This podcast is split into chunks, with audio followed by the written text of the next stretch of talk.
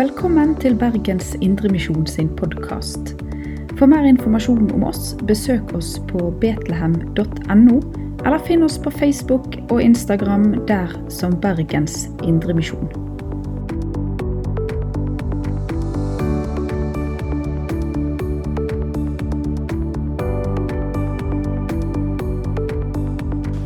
God søndag, alle sammen. God palmesøndag. Og eh, en særlig god søndag til dere som har båret barnet fram til dåpen i dag. Vi har altså kommet til en dag som har et eget navn, og vi skal lese en tekst som hører denne dagen til. Og Vi skal lese sammen ifra Johannes evangeliet, kapittel 12. Der står det skrevet Seks dager før påske kom Jesus til Betania, der Lasarus bodde. Han som Jesus hadde vekket opp fra de døde. Der ble det holdt et festmåltid for ham. Martha vartet opp, og Lasarus var blant dem som lå til bord sammen med ham. Da kom Maria med et pund ekte, kostbar nardusalve, og med den salvet hun Jesu føtter og tørket dem med håret sitt. Hele huset ble fylt av duften. Da sa Judas Iskariot, en av disiplene, han som siden forrådte ham, hvorfor ble ikke denne salven solgt for 300 denarer og pengene gitt til de fattige? Dette sa han ikke fordi han hadde omsorg for de fattige, men fordi han var en tyv. Det var han som hadde pengekassen, og han som pleide å ta av det som ble lagt i den. Men Jesus sa, La henne være, hun har spart salven til den dagen jeg skal begraves. De fattige har dere alltid hos dere, men meg har dere ikke alltid. Det ble kjent i den store mengden av jøder at Jesus var i Betania. Nå kom de dit, ikke bare for hans skyld, men også for å se Lasarus, han som, som han hadde vekket opp fra de døde. Da la overprestene planer om å drepe Lasarus også, for mange av jødene dro dit på grunn av ham og kom til tro på Jesus. Dagen etter fikk folkemengden som var kommet til festen, høre at Jesus var på vei inn i Jerusalem. Da tok de palmegrener og gikk ut for å møte ham, og de ropte:" Hosianna, velsignet er Han som kommer i Herrens navn, Israels konge. Slik lyder Herrens ord.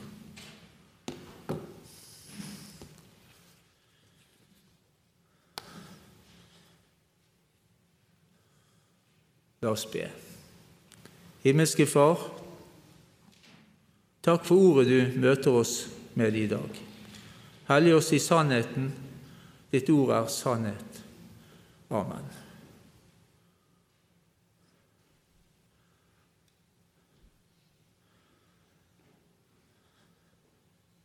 Vi nærmer oss påskehøytiden, og slik var det òg på den tid vi hørte her en fortelling en viktig fortelling om det som skjedde med Jesus like i forkant av påsken. Vi er på et sted i en liten landsby like utenfor Jerusalem, et sted som heter Betania. Og Denne lille landsbyen lå ca. 2,5 km øst for Jerusalem. Det er laget til et festmåltid denne dagen for Jesus. Det var flere som fikk være med på det måltidet. Og de lå til bords, det høres litt rart ut, men det var en måte å spise på som viste at dette var noe helt spesielt. Det var altså fest. Og det var glede. Og sannsynligvis så var det lørdag kveld like etter at sabbaten var over, at de var samlet. for å få ta del i dette måltidet. Igjen får vi høre om disse tre søsknene, Martha, Maria og Lasarus. Jesus hadde vært hos disse tre ikke så lang tid i forveien. Og Den dagen så møtte Jesus to søstre som var i sorg. Lasarus var død. Han hadde allerede ligget i graven fire dager. Men så skjer det noe helt utrolig. Jesus vekker Lasarus opp igjen. Han demonstrerer sin makt på en slik måte at det ble lagt merke til av mange, både av venner og av fiender. Og Jesus måtte trekke seg unna, i alle fall en stund. Han dro da til et sted som heter Efraim, ca. 25 km lenger nord i nærheten av, land, av eh, denne byen, eller nær ødemarken. Men nå er det altså i ferd med å nærme seg påske. Jesus hadde altså vært flere ganger hos disse tre. Vi skjønner at Jesus flere ganger har vært i Betania, og vi leser om dette et annet sted i Lukas kapittel 10. Og I likhet med den gangen så står Martha fram som den som tar ansvar for måltidet. Maria hun var den gangen en som valgte annerledes. Kanskje du husker det? Maria satt seg ned ved Jesu føtter og lyttet til det Jesus hadde på hjertet, det han hadde å si. Og Jesus sa egentlig den gangen at det var det viktigste.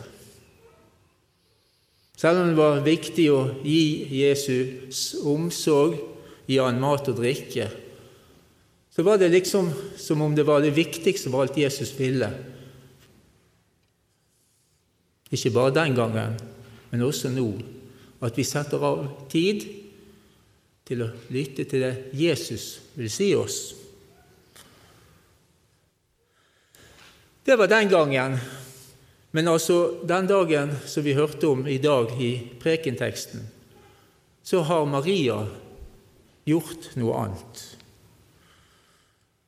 Maria tar fram et pund. Det er altså en måte å veie ting på. Det er ca. 327 gram, altså en tredjedel av et kilo omtrent.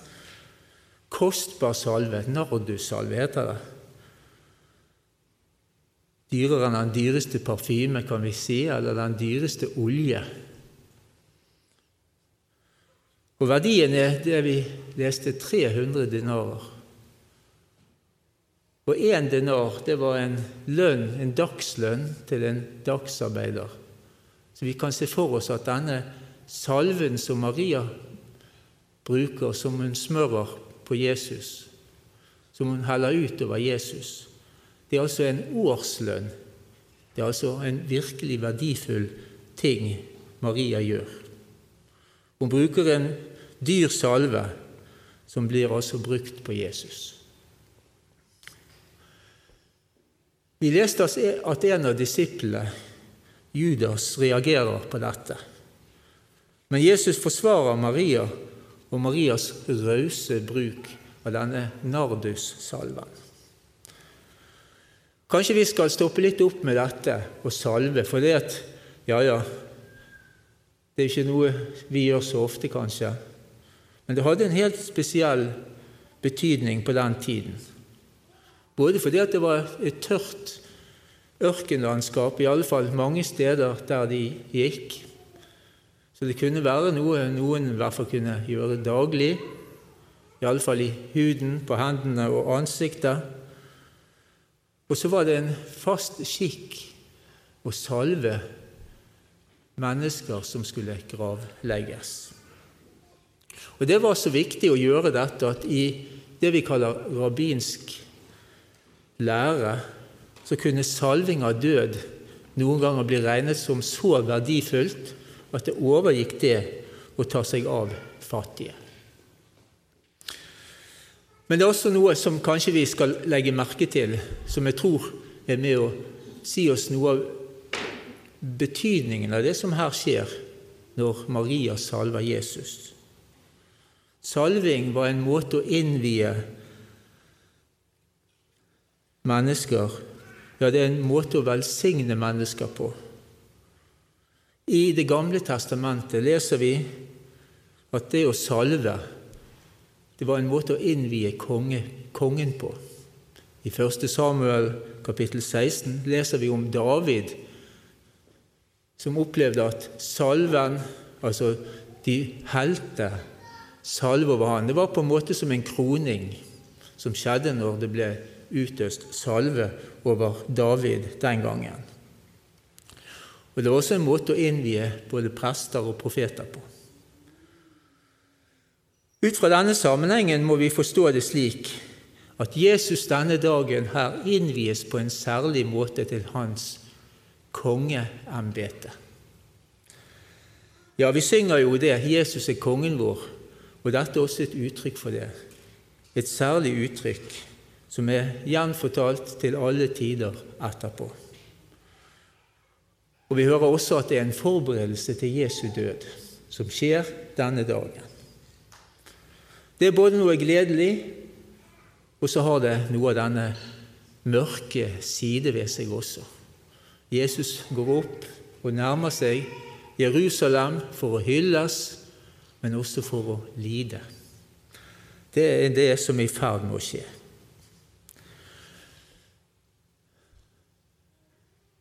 Jesus kalles Messias. Det er et hebraisk ord. Og det betyr 'den salvede'. Når vi sier Jesus Kristus, så er dette ordet Kristus egentlig det samme ordet som Messias. Det bare er blitt oversatt til gresk. Det betyr 'den salvede'. Og det har altså et innhold i den betydning at de så fram til at det skulle komme en konge, en som var lovet, som skulle opprette et evig kongedømme. Ja, og Noen hadde også satt for seg at det skulle komme en profet som skulle avløse Moses. Og så vet de at prestene også, som nevnt, ble salvet. Men denne handlingen den ble altså kritisert av Judas. Det ble sett på som sløsing. Navsalven sa han kunne vært solgt, og pengene kunne vært gitt til de fattige. Her skal vi stoppe opp litt ved Judas. Han representerer et rent verdslig sinnelag, kan vi si. En som bare ser på ting med menneskelige øyne, som ikke har det store perspektivet over seg. Mangler det egentlig grunnleggende. Og selv om Judas her tilsynelatende i hvert fall viser omsorg for de fattige, så vet vi at han allerede var en tyv og i sitt hjerte var han på fortapelsens vei. Dette bør vi ta lærdom av. At bak en fasade av fromme ytringer, fromme på en måte utsagn, fromme talemåter, så kan det være slik at det skjuler et frafallent hjerte. Gud ser til hjertene, sier vi, og det skal vi ta med oss. Maria hun er altså den rake motsetning her. Tilsynelatende så sløser Maria bort noe verdifullt, men det er på Jesus. Maria hadde grepet noe viktig. Hun hadde sett det verdifulle i Jesus, og hun uttrykker hengivenhet og takknemlighet ved å salve Jesus med denne dyre salven. Maria har fått sitt hjerte og sine øyne åpnet for hvem Jesus virkelig er. Ja, hun har sett at Jesus er mer enn et menneske. Ja, at han er virkelig Guds sønn, han som skulle komme for å være verdens frelser.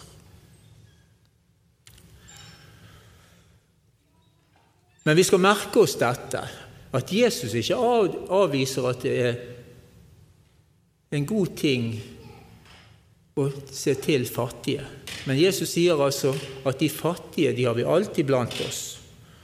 Men denne dagens gjerning den er helt unik.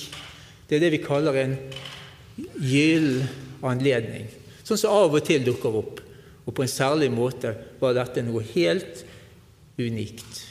For Jesus han kom ikke til å være blant de så mye lenger, slik de kjente han i kjøtt og blod.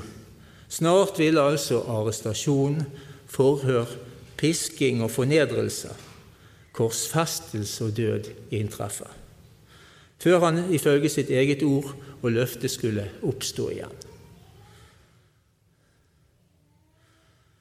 Jesus forsvarer altså Maria og hennes gjerning.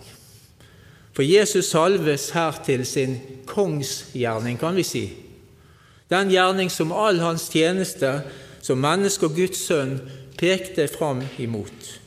Her samles også hans profetiske og prestelige tjeneste som Guds Messias og vår frelser. Guds sønn er kommet for å dø i synderes sted, for at vi ved ham skulle få syndenes forlatelse, nytt liv og håp i møte med døden. Jesu oppvekkelse av Lasarus det var på en måte et forvarsel og et tegn. Det hadde altså skjedd ikke så lang tid i forveien. Og det var et underfullt tegn som peker fram mot det store under som kom til å skje i påsken.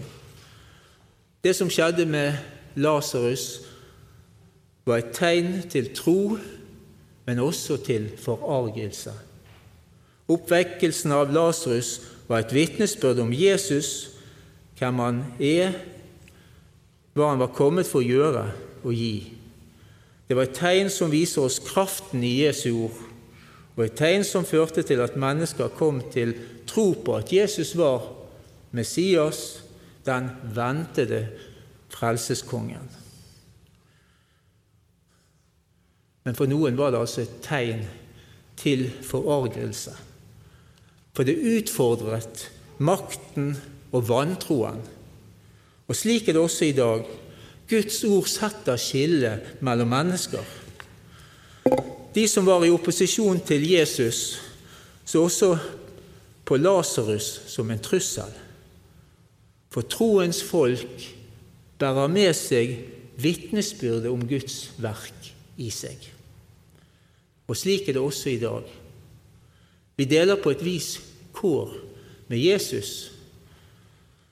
Og vi skal merke oss at Jesus har sagt, slik han vi leser i Bibelen han sa, har de forfulgt meg, vil de også forfølge, forfølge dere.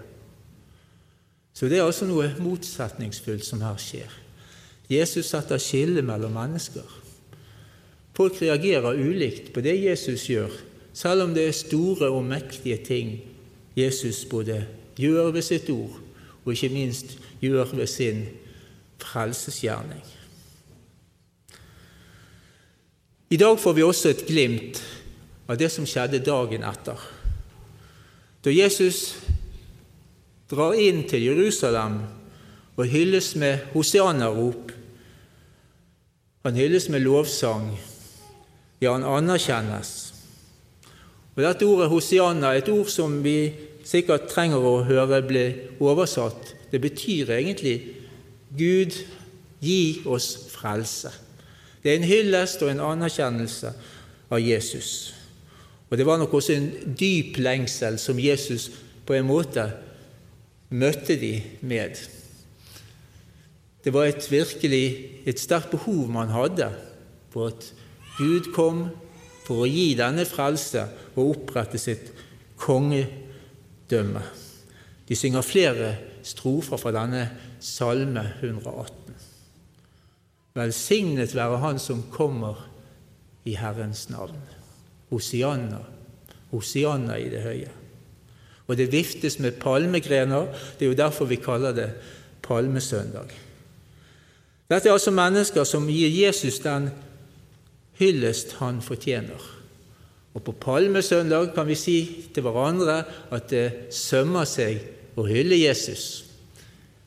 Det gjør det ellers òg, men særlig på en slik dag. Vi minnes nettopp dette. Inntoget og denne salving av Jesus, Guds Messias og vår frelser. Velsignet være Israels konge, Hosianna i det høyeste. Så er Jesus vår konge. Men Jesu kongsmakt innebærer et annerledes kongedømme. Han sa jo òg 'mitt rike er ikke av denne verden'. Og det etableres på en annerledes måte enn kongedømmer og makt etableres vanligvis. Han vinner seier ved å tape. Jesus etablerer sitt kongedømme ved å lide og dø, for siden å oppstå. Det er et annerledes rike vi tas inn i ved Jesus og i dåpen til hans navn. Jesus sier det er ved å miste vårt liv at vi finner det. Ved å bli funnet av Jesus og møtte han av Hans ord dør og oppstår vi til livet.